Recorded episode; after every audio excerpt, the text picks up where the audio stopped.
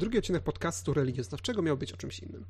Chciałem w nim poruszyć dalej temat prawa niespodzianki. Jak słusznie zauważyliście w komentarzach, o ile e, opis tego prawa z Księgi Sędziów jest prawdopodobnie najstarszym tekstem opisującym to prawo, to Andrzej Sapkowski zaczerpnął je z baśni braci Grimm Jasio Jesz. E, nadmienię tylko, że mm, o ile ten opis przez braci Grimm został przygotowany w XIX wieku, to ciężko stwierdzić, które z tych e, podań jest starsze. Czy ten z baśni braci Grimm, ten z Księgi Sędziów. Dlaczego? Dlatego, że niektóre baśnie datowane są nawet na 6000 e, lat wstecz, tak? Od momentu ich spisania.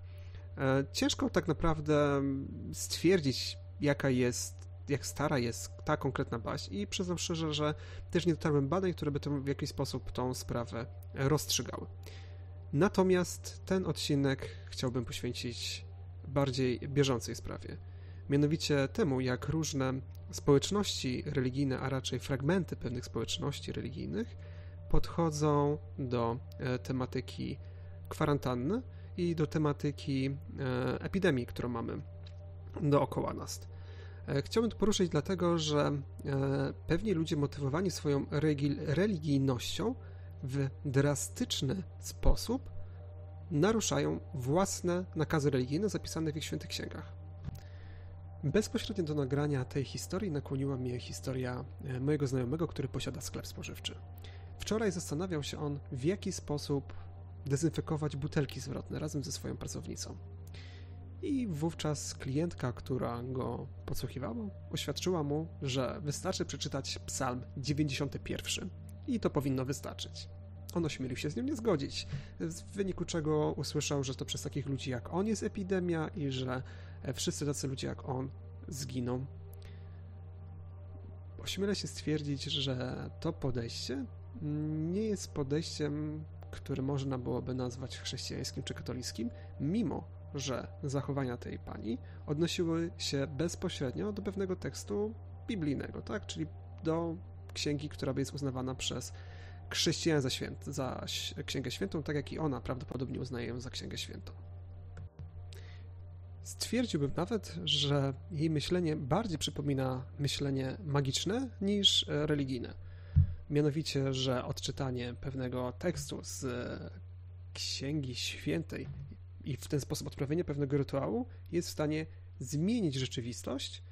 Mm, przypomina mi to na przykład bardzo to, w jaki, jaką wizję świata mają ludzie praktykujący chudu. Jest to e, pewien system magiczny pochodzący ze Stanów Zjednoczonych, który był rozwijany w społeczności afroamerykańskiej, ale nie, nie, tylko przez nich był jakby praktykowany. Oni potrafią na przykład, ludzie praktykujący chudu, e, rzucać klątwy, a jednocześnie zawsze przy sobie nosić Biblię i właśnie czytać psalmy, po to, by odczynić pewnego rodzaju rytuały magiczne. Co ciekawe, takie myślenie magiczne bardzo często obserwowane jest wśród wyznawców tzw. Tak rozwiniętych systemów religijnych, takich jak chrześcijaństwo, islam czy buddyzm. Mimo, że nauki tych religii i teksty święte, na których opierają się te religie, bardzo często nauczają czegoś wprost przeciwnego niż te myślenie magiczne i te pewne rytuały sugerują. Co ciekawe, stanowisko Kościoła, mm, na przykład w sprawie epidemii obecne, wprawdzie jest ono już po pewnej burzliwej dyskusji, natomiast no, pozwala nie chodzić na przykład na mszę świętą właśnie po to, by mm, ludzie, którzy boją się zarażenia, nie musieli być na nie narażeni wprost. Podjęto też pewne decyzje, które mają e, ograniczyć ilość ludzi w kościele w Polsce, natomiast we Włoszech odwołano mszę E, na czas e, tej epidemii. Co więcej, papież Franciszek e, przyznał odpust zupełny wszystkim ludziom, którzy pomagają przy tych chorych i co tu jest ciekawe, nawet w momencie, w którym oni mają tylko intencję uczestniczenia w sakramentach, uczestniczą duchowo w mszy świętej lub w drodze krzyżowej, ale nie mogą tych sakramentów przez jakiś czas przyjąć. Więc teoretycznie taka osoba, nawet która nie przyjmie sakramentów, ale która się tutaj poświęca dla innych i ma intencję przyjęcia tych sakramentów, może uzyskać odpust zupełny, co jest bardzo pozytywne w kontekście kwarantanny, którą mamy. Natomiast nie da się ukryć, że są pewni arcybiskupi i biskupi oraz publicyści katolicy, którzy zachęcają ludzi do tego, żeby gromadzili się w kościołach i w ten sposób e, przyczyniają się do stwarzania zagrożenia epidemiologicznego. Ponieważ to nie jest tak, że niestety, że komunia święta lub e, kościół chroni przed epidemią. Zapraszam na kanał Irytującego Historyka. On ma taki fajny odcinek o zarazie, gdzie innymi opowiada o tym, w jaki sposób rozeszła się pewna zaraza cholery właśnie w wyniku mszy, która miała tą zarazę odegnać. Trzeba też jasno powiedzieć, że takie mm, rady i takie zachowania nie są tylko i wyłącznie charakterystyczne dla pewnego środowiska wywodzącego się z Kościoła katolickiego, bo mianowicie też synod biskupów prawosławnych wygłosił taką naukę, że komunia święta nie może przynosić żadnych zarazków ani bakterii, że mówienie, że może coś takiego zrobić jest bluźnierstwem. Pewne też środowiska muzułmańskie, całe szczęście nie w Polsce, polscy muzułmanie zachowali się jak trzeba, e, także zwoływał, także zachęcało ludzi do udawania się na pielgrzymki, pewne zgromadzenia religijne. Więc e, tego typu porady dotyczące pewnych zachowań religijnych, kultowych, które obecnie e, zwiększają zagrożenie epidemiologiczne, to nie jest tylko i wyłącznie domena pewnego środowiska katolickiego. Pewien publicysta z miesięcznika Kontakt, bardzo przepraszam, nie pamiętam już jego imienia i nazwiska, zwrócił się do biskupów i arcybiskupów, publicystów katolickich, zachęcających ludzi do gromadzenia się w kościele w momencie zagrożenia epidemiologicznego, w bardzo sposób, który wydaje mi się właśnie wprost odnoszący się do nauk z Pisma Świętego. Mianowicie, po pierwsze, zwrócił on oczywiście uwagę na to, że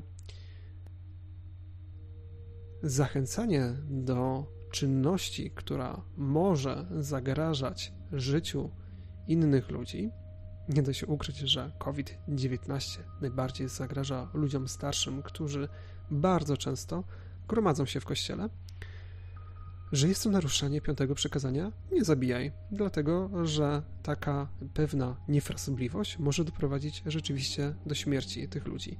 I dbanie o pewne rytuały religijne kosztem tego, że według wysokiego wskaźnika prawdopodobieństwa ci ludzie e, mogą zejść z tego świata lub poważnie zachorować i mieć później nieodwracalne zmiany w płucach, to narusza piąte przykazanie.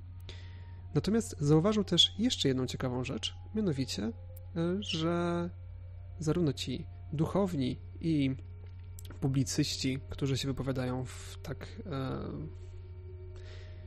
kontrowersyjny sposób, naruszają jeszcze jedno przekazanie. E, przekazanie, które zostało zapisane w Ewangelii Łukasza w rozdziale czwartym, w wersecie od 9 do 12. Pozwólcie, że wam je przeczytam. Fragment ten dotyczy trzeciego kuszenia Jezusa na pustyni. Kusi go szatan. I tak ten fragment brzmi. Zaprowadził go, szatan, też do Jerozolimy, Jezusa. Postawił na narożniku świątyni i rzekł do niego: Jeśli jesteś synem Bożym, rzuć się stąd w dół. Jest bowiem napisane: Aniołom swoim rozkaże o tobie, żeby cię strzegli. Na rękach nosić cię będą, byś przypadkiem nie uraził swej nogi o kamień. Lecz Jezus mu odparł. Powiedziano, nie będziesz wystawiał Pana Boga swego na próbę. Skoro rozumiemy już, w jaki sposób roznosi się choroba COVID-19, skoro wiemy, że gromadzenia, zgromadzenia publiczne szkodzą, skoro wiemy, że roznosi się ta choroba drogą kropelkową, to czy zachęcanie ludzi do tego, żeby się jednak gromadzili w jakimś miejscu, licząc na to, że jest to miejsce święte, nie jest także wystawianiem Pana Boga na próbę? Czy nie jest tak, że według tej e, Ewangelii Jezus, który według przecież katolików i chrześcijan jest synem Boga, a jednocześnie jedną osobą, jedną z osób boskich, czyli z jedną z form, z postaci Boga, że to on nawet stwierdził, że nie będzie ryzykować swojego życia, ponieważ nie można wystawiać Boga na próbę. Czy to nie jest więc tak, że osoby, które nazywają się katolikami i które zachęcają innych, a także sami narażają swoje życie i narażają życie innych, licząc na to, że ich działanie wywoła pewne zachowanie u Boga, które zatrzyma w ten sposób y, zarazę, jest właśnie wystawianiem Boga na próbę? Odpowiedzcie sobie sami. Ale tak jak powiedziałem, tego typu postawy nie są tylko i wyłącznie postawami katolickimi czy chrześcijańskimi. O ile Polska Ligia Muzułmańska zachowała się w sposób bardzo odpowiedzialny, mianowicie odwołała wszelkie modlitwy zbiorowe na czas zagrożenia epidemiologicznego, taka postawa nie jest e, charakterystyczna dla wszystkich społeczności muzułmańskich na świecie. I tak e, się złożyło, że są też e, muzułmanie, którzy twierdzą, że przestrzeganie zasad kwarantanny czy zmuszanie ludzi do tego, żeby byli w kwarantannie jest niezgodne z muzułmańskim nauczaniem i z nauczaniem proroka Mahometa. Jest to tyle osobliwe, że jest wprost przeciwnie. Najświętszymi tekstami w świecie islamu po Koranie są hadisy, czyli opowieści o życiu proroka. I one się dzielą na te, które są uznawane za bardziej wiarygodne i za mniej. Natomiast e, jedną z najbardziej wiarygodnych jest, są hadisy Sahiha al-Bukhariego. I tam znajdziemy taki zapis słów proroka Mahometa. Prorok powiedział: Jeśli słyszysz, że w jakimś miejscu wybuchła zaraza, nie wchodź do niego. Ale jeśli jesteś w miejscu, w którym wybuchła zaraza, nie waż się z niego wychodzić to jest wprost nauczanie o konieczności przestrzegania zasad kwarantanny. Wróćmy jeszcze na chwilę do historii mojego znajomego, który zastanawiał się, w jaki sposób odkażać e, butelki zwrotne, a któremu pewna pani, która go zwyzywała, poleciła czytać Psalm 91. Dlaczego Psalm 91? Okazuje się, że po sieci krąży pewien dziwny łańcuszek, którego autor twierdzi, że jak się poprzestawia pewne litery w słowie w nazwie choroby COVID-19, można uzyskać sformułowanie DIVOK 91, które jakoby miałoby właśnie oznaczać Psalm 91. Znam trochę łacinę, mniej więcej orientuję się w Grece, znam trochę starożytny hebrajski, biblijny hebrajski. I mogę zaświadczyć, że w żadnym z języków biblijnych słowo divok nie oznacza psalmu. Ani w języku starożytnym hebrajskim, ani po łacinie, ani w Grece. W innej wersji tego łańcuszka słowo divok miałoby być akronimem angielskim oznaczającym Destroy Influenza Virus Outbreak Completely – no i w jaki sposób odnosić się do psalmu 91, który został uznany za lek na demonicznego wirusa.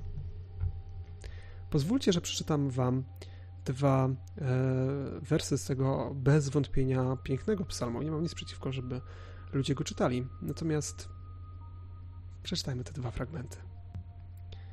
Wersety 11 i 12 bo swoim aniołom dał rozkaz o Tobie, aby Cię strzegli na wszystkich Twych drogach.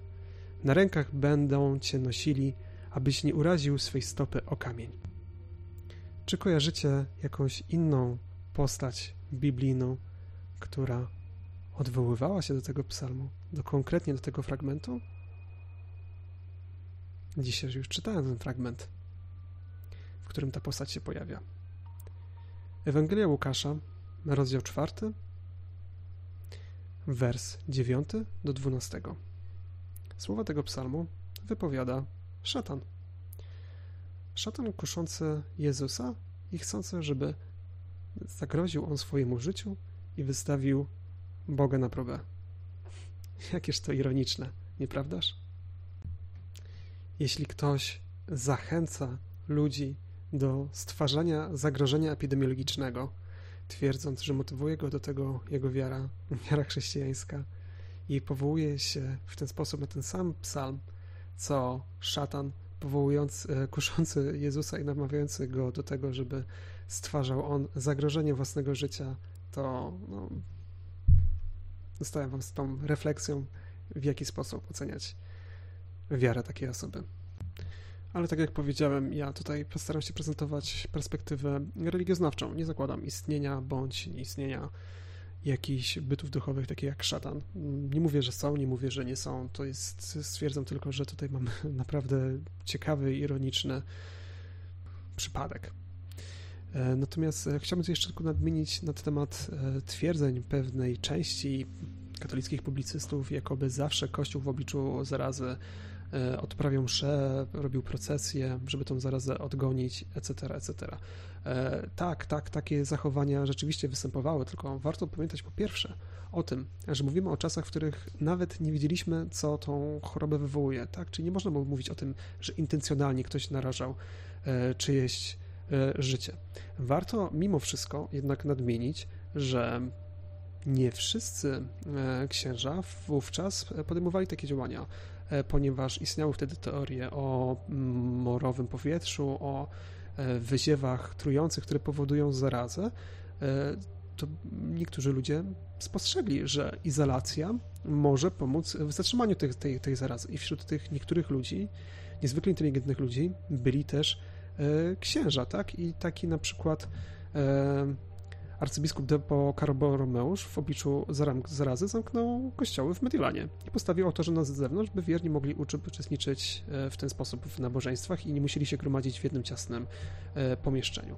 Mieszkam w tym momencie w Krakowie i chciałbym zwrócić uwagę na to, że na przykład obok pięknego romańskiego kościoła na Salwatorze E, Kościoła Serca Jezusa. Obok znajduje się przepiękny Kościół Świętej Małgorzaty, który jest drewniany, mniejszy, co ciekawe, zbudowany akurat na planie świątyni pogańskiej, e, Gontyny, co jest bardzo ciekawe z punktu widzenia religioznawczego, ale nie o tym chciałem powiedzieć. Chciałem powiedzieć o tym, jak powstał ten kościół. On powstał w czasie epidemii cholery, właśnie po to, żeby odizolować ludzi chorych od zdrowych i w ten sposób e, też próbowano zapobiegać w bardziej racjonalny sposób zarazie. Więc nie, to nie jest tylko tak, że Kościół miał zawsze tylko jedną perspektywę tego, w jaki sposób z tą e, zarazą zwalczyć i z perspektywy dzisiejszej nauki zawsze wybierał tą drogę, która mogła stworzyć zagrożenie epidemiologiczne. Nie, tak nie było. Podejścia były różne, część była bardzo racjonalna, wyprzedzająca swoje czasy mm, de facto. No i w sumie to tyle, co chciałem powiedzieć w tym tak na szybko nagranym e, podcaście. Jeśli Wam się podobało, to no, zachęcam do subskrybowania mojego kanału właśnie albo na YouTubie, albo na Spotify'u, e, danie łapki w górę i bardzo jestem ciekaw też e, Waszych opiniach w komentarzu. Pozdrawiam, cześć.